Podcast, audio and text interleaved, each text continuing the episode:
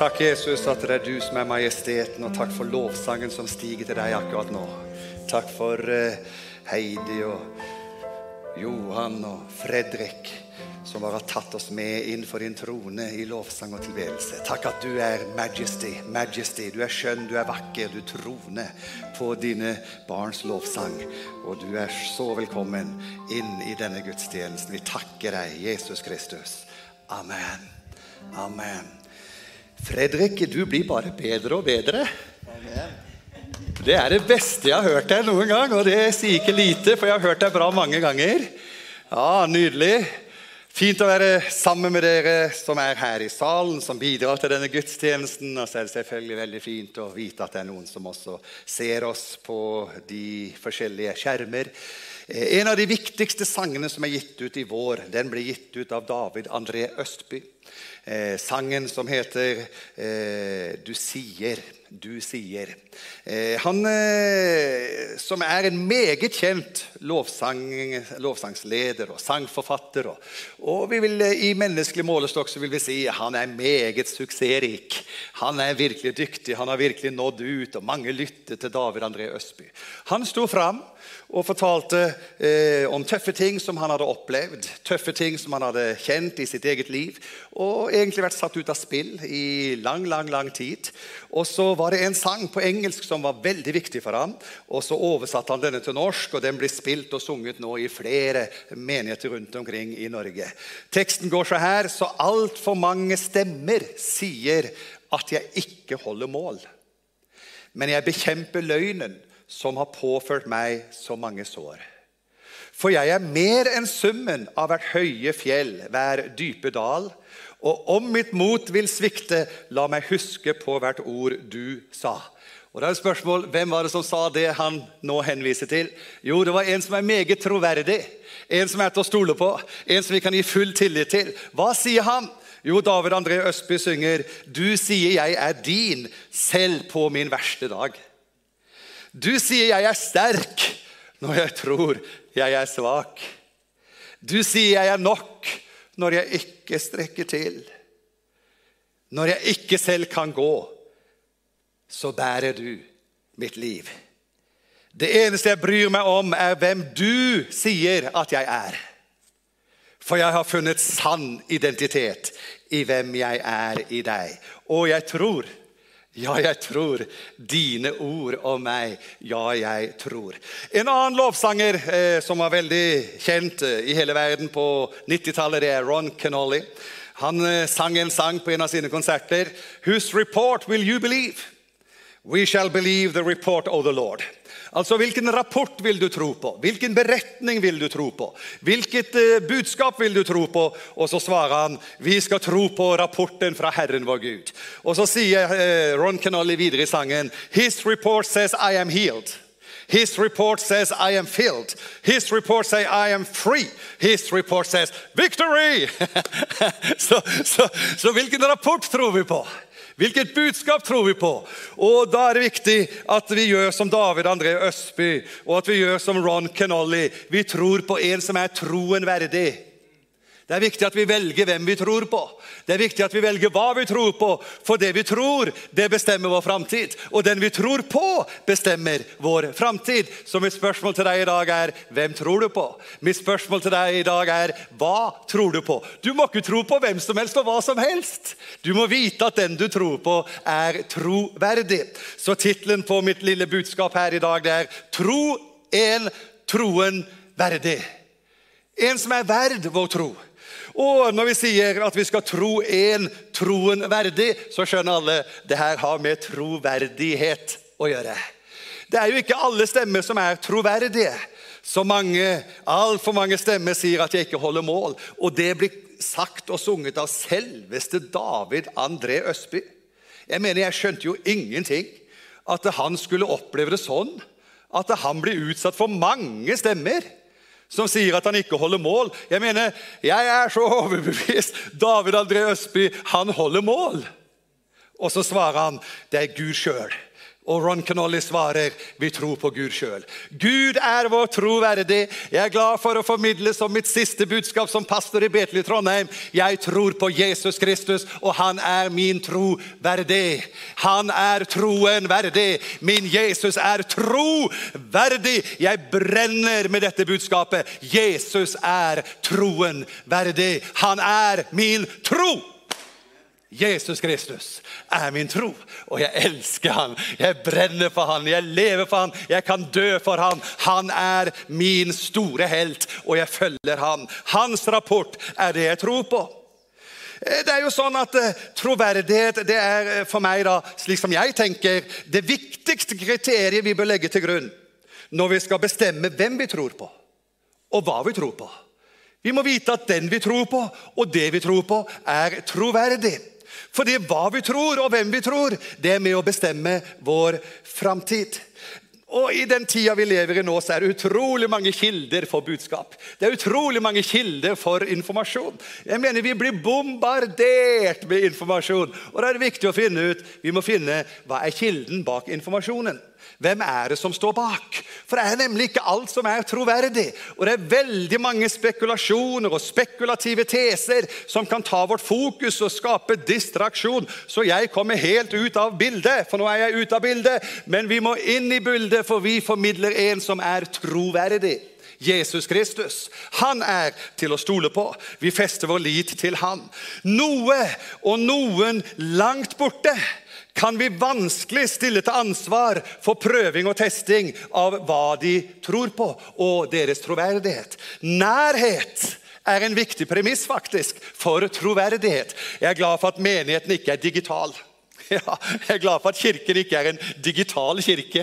Jeg er glad for at Kirken kalles Kristi kropp, ikke Kristi YouTube-program. Jeg er glad for at eh, kirken til Jesus kalles kroppen til Jesus. Og jeg er glad for at Jesus sier om seg sjøl 'Jeg er kjøtt og blod'. Her er jeg, du kan stikke fingrene i min side. Han var tilgjengelig, han var nær. Han var ikke langt borte. Nærhet er en viktig premiss for troverdighet. Så jeg tror ikke på hver eneste YouTube-predikant som doserer sitt budskap, for jeg vet ikke hvem han er, jeg vet ikke hvem hun er. Men jeg tror på de forkynnerne som jeg har relasjon til. Jeg tror på de som forkynner, og som jeg er nær. Jeg har troverdighet og tillit til dem som eh, jeg kjenner, og som jeg elsker av hele mitt hjerte. Kristian Tangvik han er en av dem. Han er en av dem, vet du. For jeg kjenner han. Han er ikke langt vekk i stand, han er ikke langt borte. Han er nær. Og det er viktig med nærhet i forhold til troverdighet. Kortreist mat gir mer tillit hos forbrukerne Hvorfor det? Jo, for det kan ikke skje så innmari mye gærent på veien fra Inderøy til Trondheim. Men fra Kile til Trondheim så kan det skje hva som helst. Så det er den kortreiste maten som er trendy. Hvorfor? Jo, for de som praktiserer kortreist mat, de stilles mer til ansvar for det de produserer. Så jeg er glad for at det er noe i Trondheim som heter Rosenborg bakeri. Det er ikke fra langt vekk i stan, det er ikke fra et annet kontinent. Nei, det er fra sjølveste Johan Voldrønning, som jeg kjenner personlig. Og han baker brød, og derfor er brød troverdig, for jeg kjenner han som har bakt det. Det er nært. Det er tilgjengelig. Det kan stilles til ansvar. Forkynnere og eh, teoretikere og spekulanter som aldri kan stilles til ansvar for det de doserer, det er mindre troverdig. Men det å stilles til ansvar, det har med nærhet å gjøre. Vi er nær, vi er tilgjengelige, vi kan teste, vi kan prøve, vi kan kjenne, vi kan finne ut. Derfor sier også Bibelen at vi skal ikke tro enhver ånd. Bibelen sier vi skal prøve åndene. Altså, Vi skal være kritisk, eh, står det på, på, på, grunnteksten. På grunnteksten så, så, så, står det ordet diakrisis. Og Diakrisis det betyr å prøve åndene, prøve, bedømme åndene. Og Det er ikke snakk om å jage demoner og jage ånder. Det er noe veldig enkelt, det er å finne ut hva er kilden. Hva er kilden bak det som formidles? Og Hvis du finner ut at kilden er Jesus Kristus, let's go! Det er troverdig. Det er troverdig. Jesus er troverdig. Så eh, eh, jeg er veldig glad for at eh, jo nærmere kilden er, jo mer mulig er det å teste troverdigheten og ektheten av den. Ansvarsfølelsen er også økende med graden av nærhet. Det ville jo vært eh, litt pinlig for Gangstad gård å bli tatt på fersken i juks og, og, og fanteri. For eh, det, er rett i nærområdet. Det er rett i nabolaget, liksom. Men, men de som er langt borti Vekkistan, de, de kan gjøre hva som helst uten at vi kan teste og finne ut av det. Så nærhet. Og Da kommer jeg til poenget med mitt budskap, nemlig Johannes 1, eh, 14. Ordet ble menneske og tok bolig iblant oss. Hør her iblant oss. Ikke langt borte, ikke fjernt, men rett i menneskeslekta. Midt inn i menneskeheten. Der ble ordet kjøtt og tok bolig blant oss. Og vi så hans herlighet, en herlighet som den enbårne sønn har fra sin far, full av nåde og sannhet. Hør her. Ordet Unnskyld, du hører jo her. Beklager at jeg oppfordrer til det. Det er, det er, jo det du holder på med. Det var en unødvendig oppfordring. Du hører jo her. Eh, så, så la meg bare si Ordet ble ikke trykksverte på papir. Ordet ble ikke radio eller TV-signaler. Ordet ble ikke YouTube på bredbånd eller 5G. Ordet blir ikke algoritme bestemt av sosiale plattformer, Algoritme som bestemmer utbredelse av informasjon på nyhetsfeeden. Ordet ble ikke digitalisert, ordet ble menneske. Oi, oi, oi, oi. Ordet ble kjøtt. Ordet ble kjøtt og blod. Så Jesus han sier, uten at dere drikker mitt blod og spiser mitt legeme, har dere ikke del med meg. Og så er vi glad for trykksverte på papir. Og så er vi glad for radio og TV og YouTube. Vi holder jo på med det her nå. Eh, og så er vi glad for digitalisering som gjør at vi kan nå lenger ut. Men det hjelper ikke hvis vi ikke får tak i personen. Det er personen. Jesus Kristus. Det er han som er selve nøkkelen. Ordet ble menneske. Ordet ble kjøtt og tok bolig blant oss. Så eh, Når disiplene skal oppsummere litt av hva de har opplevd med Jesus, så sier de ikke liksom, vi har hørt om en nyhet langt borte fra. Nei, de sier det som var fra begynnelsen. Det vi har hørt, det vi har sett med egne øyne, det vi så og våre hender tok på. Det forkynner vi. Livets ord. Så vårt budskap er heller ikke gnostisk. Nei, det er eh, ikke bare en tese, en teori og en kunnskap og en viten. Nei, det er kjøtt og blod. Det er personen Jesus Kristus. Så når eh, eh Philip kommer til Samaria i Apostelens gjerninger 8, så forkynner han ikke filosofi, men det står han forkynte Kristus. Han forkynte Kristus. Hør her, kjære venner. Jesus Kristus er vårt budskap. Han er så troverdig. Vi, vi, vi, vi løfter vårt blikk til han. Midt i krise, midt i situasjoner som vi befinner oss i, så løfter vi vårt blikk til Jesus Kristus, for han er ikke langt borte. Han er nær. Han er nær. Det er til og med et navn på Gud. Gud er nær. Han er nærværende. Så vi kan teste og prøve, smake og kjenne at Herren er god.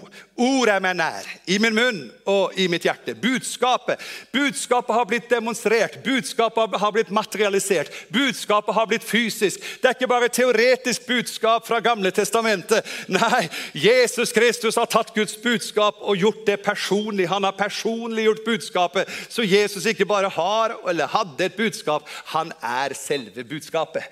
Det er Jesus Kristus. Han er Ordet. Ordet ble menneske. Så Jesus Kristus er min tro. Han kan prøves, og han holder mål i testen. Han tåler ansvaret som følger med det han har sagt og sier. Han lever opp til det meget kvalitativt høye nivået av sitt budskap. Ja, han er budskapet. Ordet er til å ta og føle på. Jesus er kortreist nær. Jesus er verdig min tro. Jesus er troverdig. Jesus er troen verdig. Så min anbefaling er, mens lovsangerne kommer fram her nå, min anbefaling er tro på en som er troen verdig. Halleluja. Amen.